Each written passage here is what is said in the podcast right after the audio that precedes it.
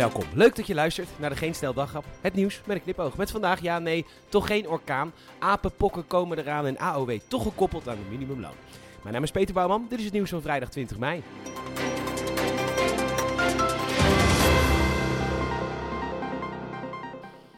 Ja, kijk, het was ons niet echt, niet echt zwart op wit beloofd, een orkaan. Maar het woord noemen in Nederland, ja, dat is wel een beetje hetzelfde als in Zuid-Soedan zeggen dat er kans is op regen en minder honger. Je gaat toch iets verwachten, Gerrit Hiemstra. Eén dak. Ja, zielig voor de oude baas en eigenaar van het dak, maar er is één dak weggewaaid en niet eens helemaal, in Beek. Ja, dat is niet eens te meten met een schaal. Ja, de schaal Rutte. Schaal hoop, maar je weet toch dat het een teleurstelling wordt. De apenpokken zijn onderweg naar ons land en eigenlijk is dat een stuk beter dan corona. Je gaat er in het rijke westen bijna nooit een dood en er zijn al vaccins tegen pokken die ook goed werken tegen de apenvariant. Ja, we hebben nog geen naamsysteem bedacht, dus ik noem het gewoon nog apenpokkenvariant, want uh, dat is vooral discriminerend voor knaagdieren, want de pokken komen daar vandaan en hebben niks met apen te maken. Maar goed, nu stellen veel nieuwsmedia de vraag, hoe herken je apenpokken? Ja, uh, het zijn pokken, hè, dus vooral heel veel builen en pus en ranzige vlekken en jeuk. Ja, is wel duidelijker dan corona, waar elk symptoom ongeveer een hoesje kon zijn. Ondertussen is duidelijk dat je 21 dagen in quarantaine zou moeten als je het krijgt. Dat is best wel lang. Ongeveer, uh, ja, ja, drie weken dan, hè. Uh, verspreiding gaat niet via kleine spuugdeeltjes, maar dat doe je via de ademhaling of met contact met de huid. Uh, en dus begint België, daar zijn al wat gevallen, met een sensibiliseringscampagne gericht op mannen die seks hebben met mannen en mensen met meerdere bedpartners. Ja, uh, alsof mannen die seks hebben met mannen altijd meerdere partners hebben en het maar met iedereen doen. Hm, ja, nou, ja, nee, klopt wel. Kijk, uh, je zal het wel niet mogen zeggen en zo, want uh, cultuur. Maar uh, sommige landen houden er gewoon best wel onpraktische eetgewoontes op na. Bijvoorbeeld eten met stokjes. Ja, ik heb het me aangeleerd. Het is gewoon netjes om te doen in een restaurant. Maar laten we eerlijk zijn, het is gewoon echt meer dan onhandig. En om te zeggen, die Chinezen eten alleen maar hele grote brokken eten. Nee, rijst. Zie je te handelen met rijst tussen twee stokjes. Ja, als je het eenmaal gewend bent, is het super praktisch. Echt ja, echt ja, net zo praktisch als weet ik veel, een lepel.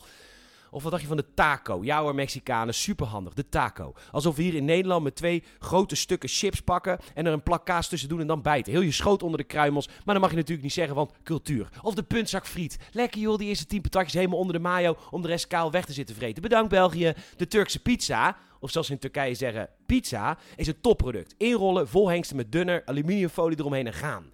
En nu hebben studenten van de Johns Hopkins Universiteit in Baltimore eetbare tape ontwikkeld, zodat je je burrito en je wraps goed kunt afsluiten. Veruit de beste uitvinding sinds de COVID-vaccins.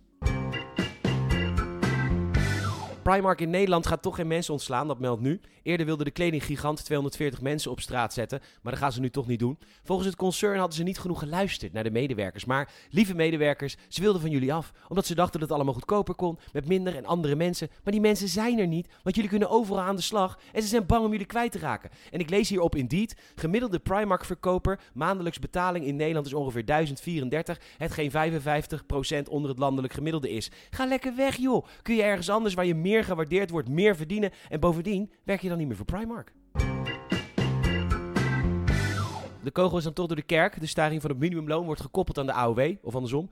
Uh, waardoor ouderen van Nederland er de komende jaren 7,5% op vooruit gaan. U weet wel, de zelfvoldane elektrische fietsrijders. Een degelijke kost snel duizend piek, maar ze hebben er allemaal minstens één. Bovendien kochten deze mensen allemaal hun huizen in de gulden tijd. Was het leven nog betaalbaar? Voor de zorg was er het ziekenfonds. Beleggen was nog leuk. Eveneens pensioenopbouw in vast contract. De meeste van deze mensen zijn gewoon rijk. De mensen die het moeten betalen, dat zijn namelijk alle mensen die over 20 jaar nog niet dood zijn. Want mede dankzij deze grap stijgt het begrotingskort tot 3 3,4%. En de mensen die echt alleen leven van een klein pensioentje en nou weet je dan... Ja, dan je die toch wat extra's in plaats van ook elke eerste vrijstaand huis in Wanningsveen, tweede huis op Curaçao, derde huis voor kleinkind en vierde huis in de verre te spekken.